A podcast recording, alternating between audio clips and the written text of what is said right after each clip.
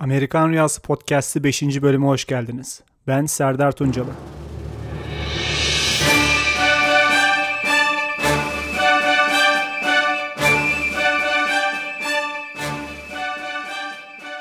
Uzun zamandan sonra tekrar birlikteyiz. Bu bölümde biraz kendimden bahsettim. Son zamanlarda neler yaptığımdan bahsettim.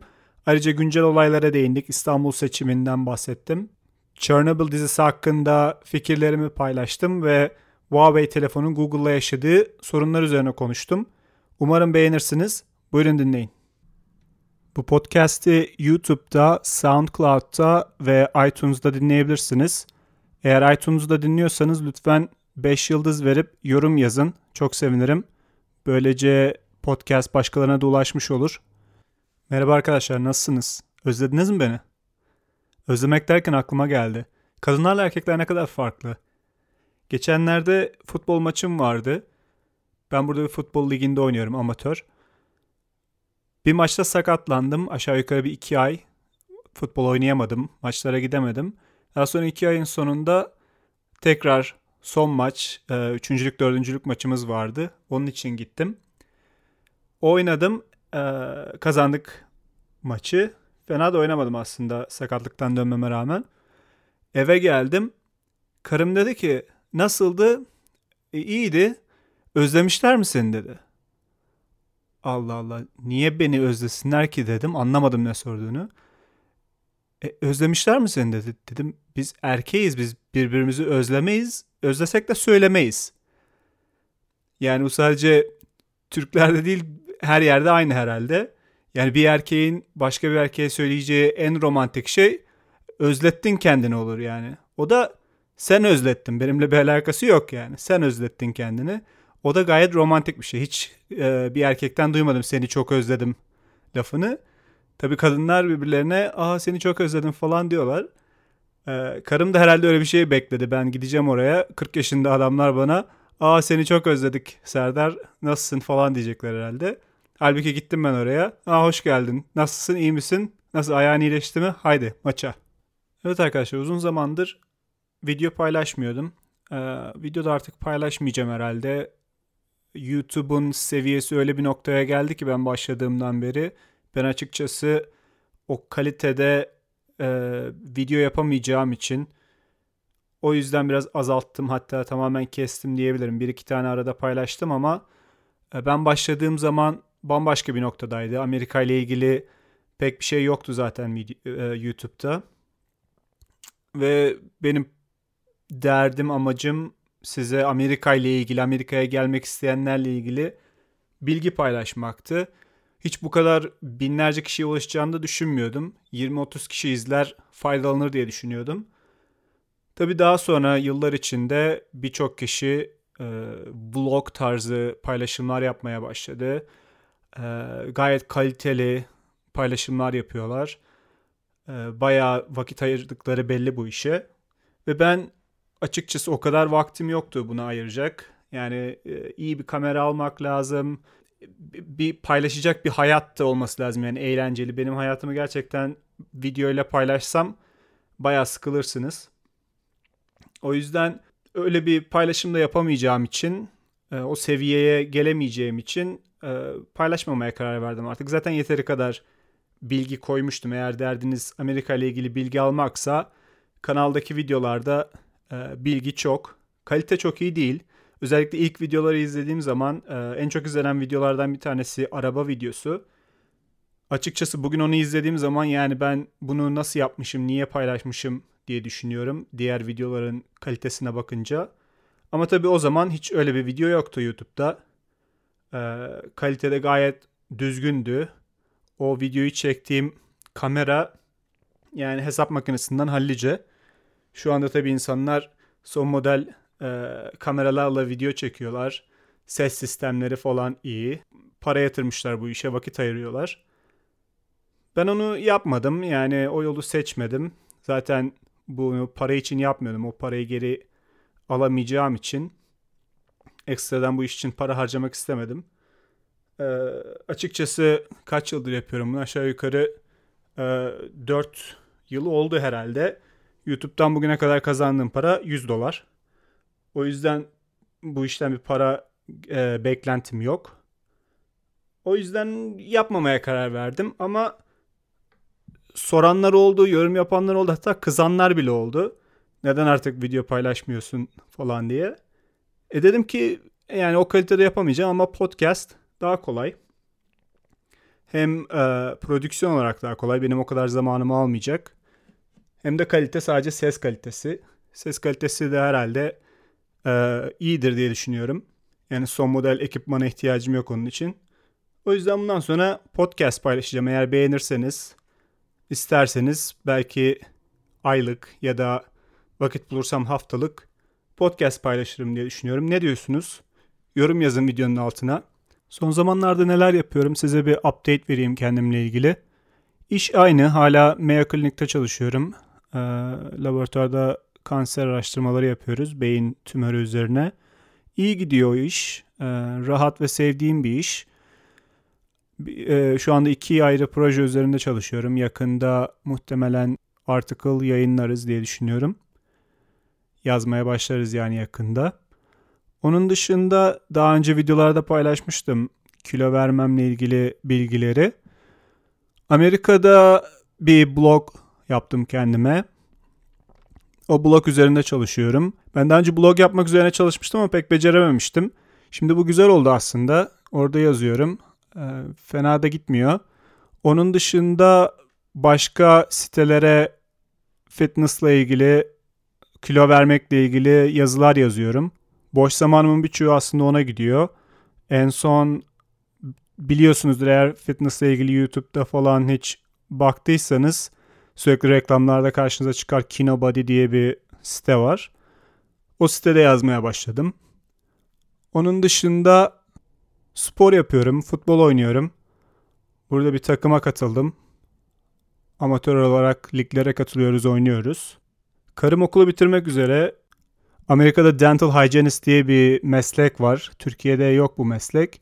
Ama dişçiye gittiğiniz zaman, diş hekimine gittiğiniz zaman bir koltuğa oturduğunuz zaman ilk önce dental hygienist görüyor sizi. İşte diş temizliğinizi falan yapıyor. E, röntgen çekiyor, diş röntgenini falan çekiyor. İlk muayeneyi onlar yapıyor.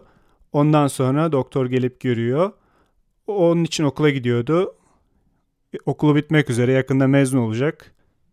Yani zamanımın birçoğu iş, spor yapmak ve yazı yazmak üzerine geçiyor.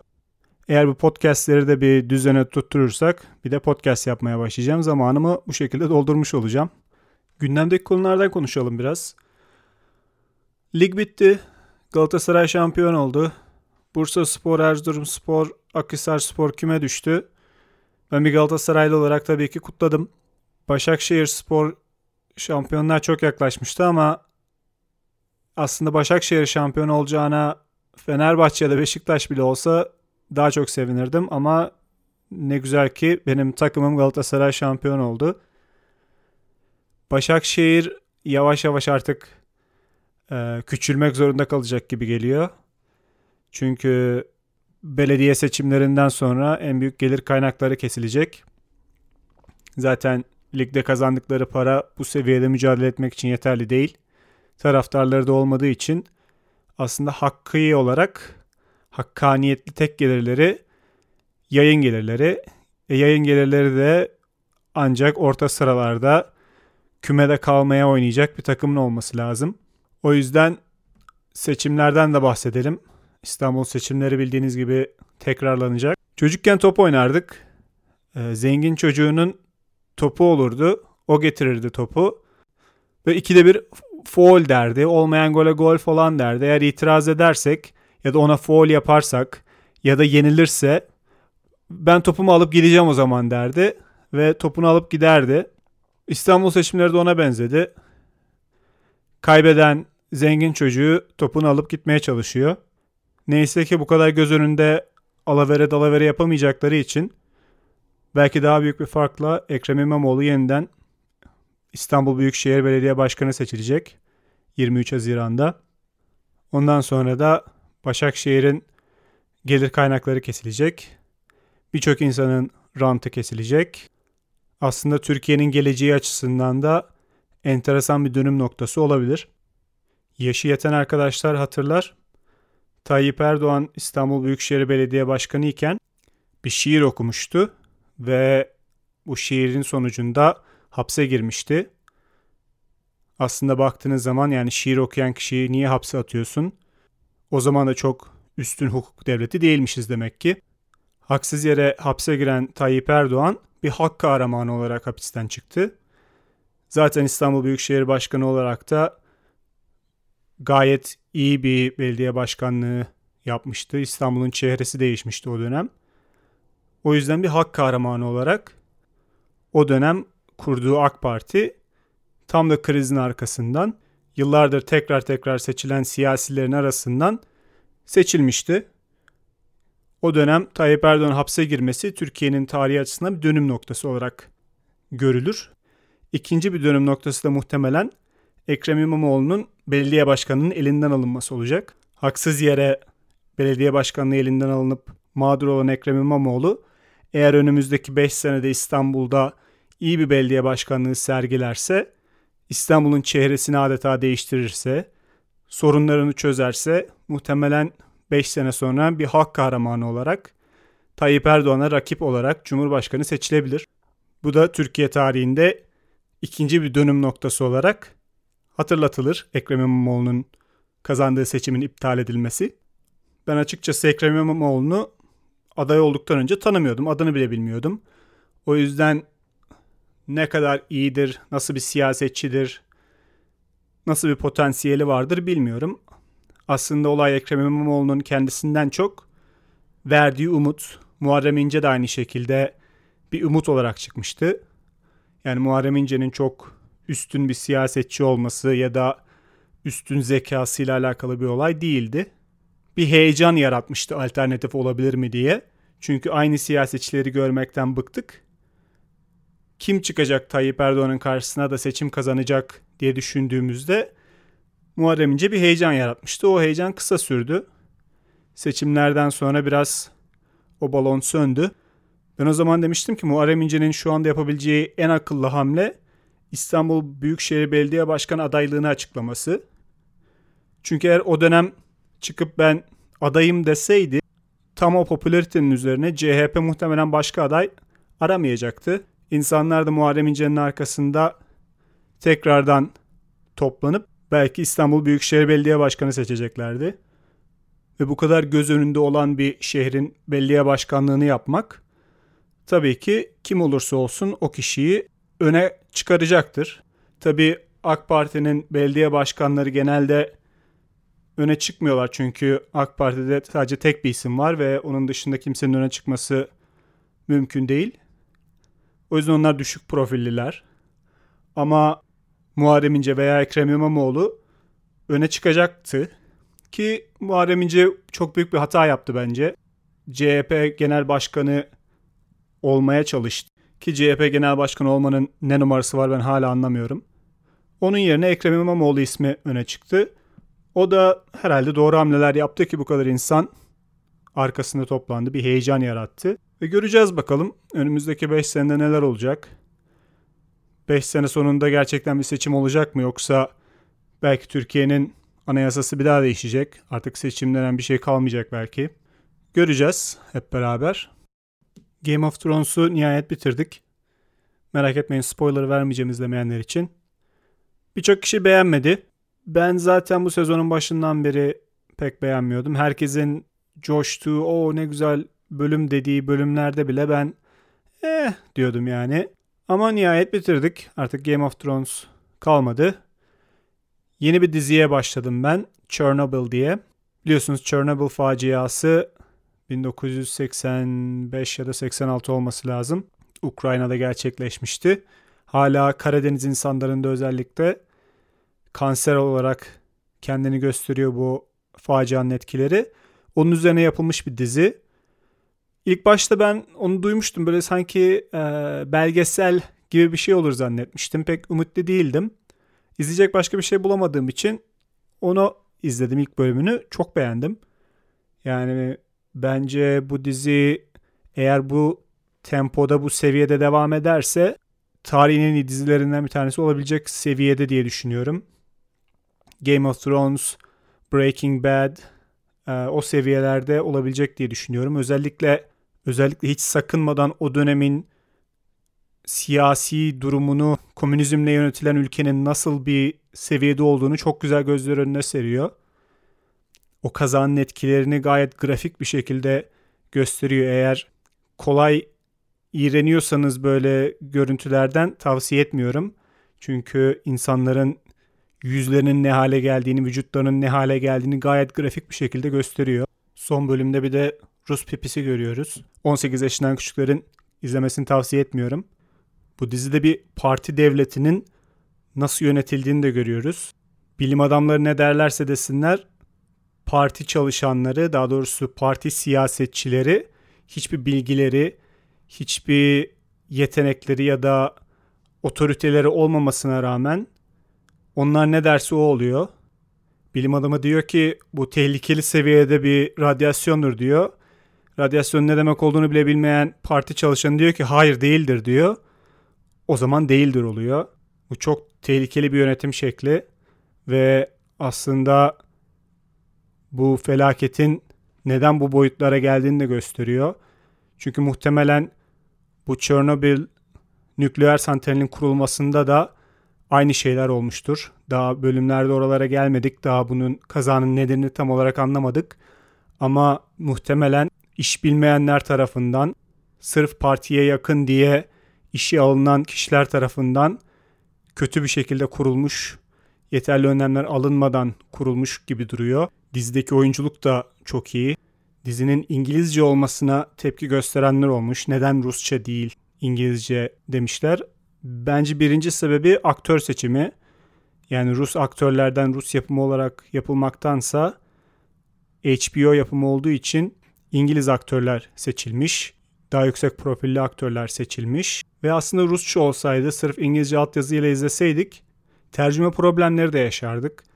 Ben bunu özellikle İngilizceden Türkçe ya da Türkçeden İngilizceye altyazıyla çevrilen dizilerde ve filmlerde görüyorum. Bir dil tamamen tercüme edilemiyor. Örneğin Netflix'te e, Muhafız dizisi var, Protector. Onu izlemeye başladık eşimle beraber.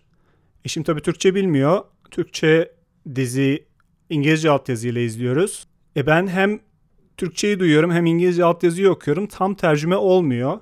Ben arada böyle durdurup aslında altyazıda böyle yazdı ama aslında böyle böyle demek istedi diye anlatmak zorunda kalıyorum.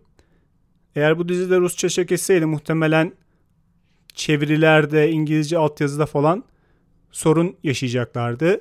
Senaryoda İngilizce yazıl İngilizce yazıldığı için onu tekrar Rusça'ya çevirip Rusça oynayıp sonra tekrar da İngilizce'ye çevirmek muhtemelen bazı şeylerin kaybolmasına neden olacaktı. O yüzden İngilizce çektiklerini düşünüyorum. Bence iyi de yapmışlar. Tabi bazen adam Rus neden İngilizce konuşuyor diye göze batıyor. Ama dediğim sebeplerden dolayı bence iyi olmuş İngilizce olması. Zaten bir süre sonra unutuyorsunuz.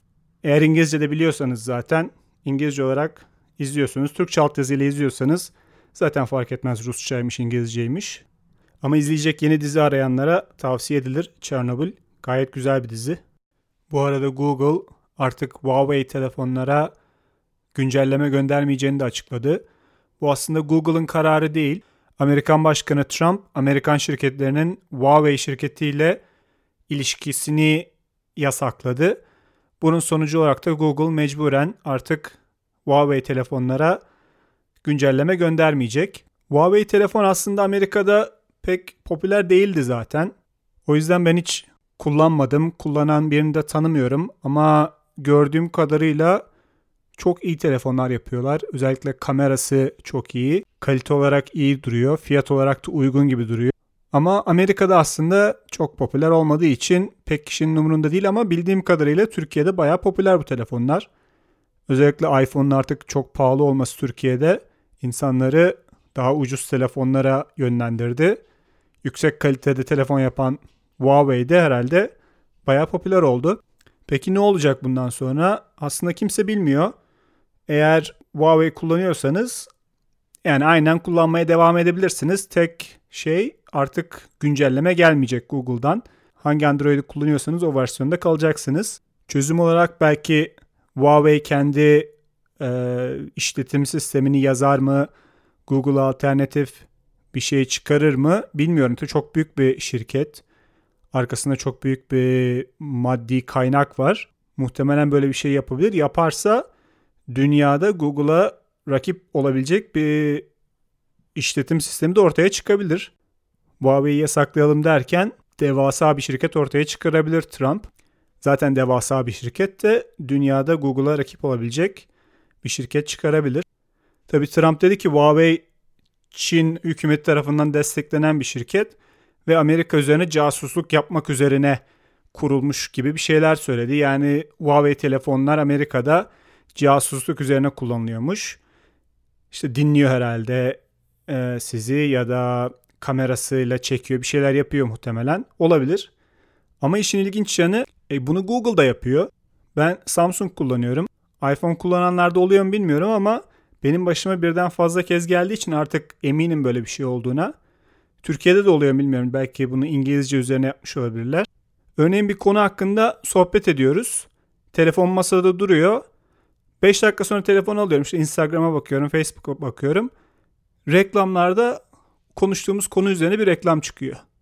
Yani konuştuğumuz konu da benim normalde Google'da aradığım şeyler değil. Hadi Google'da bir şey arayınca onu kaydediyor, ona göre reklam çıkarıyor.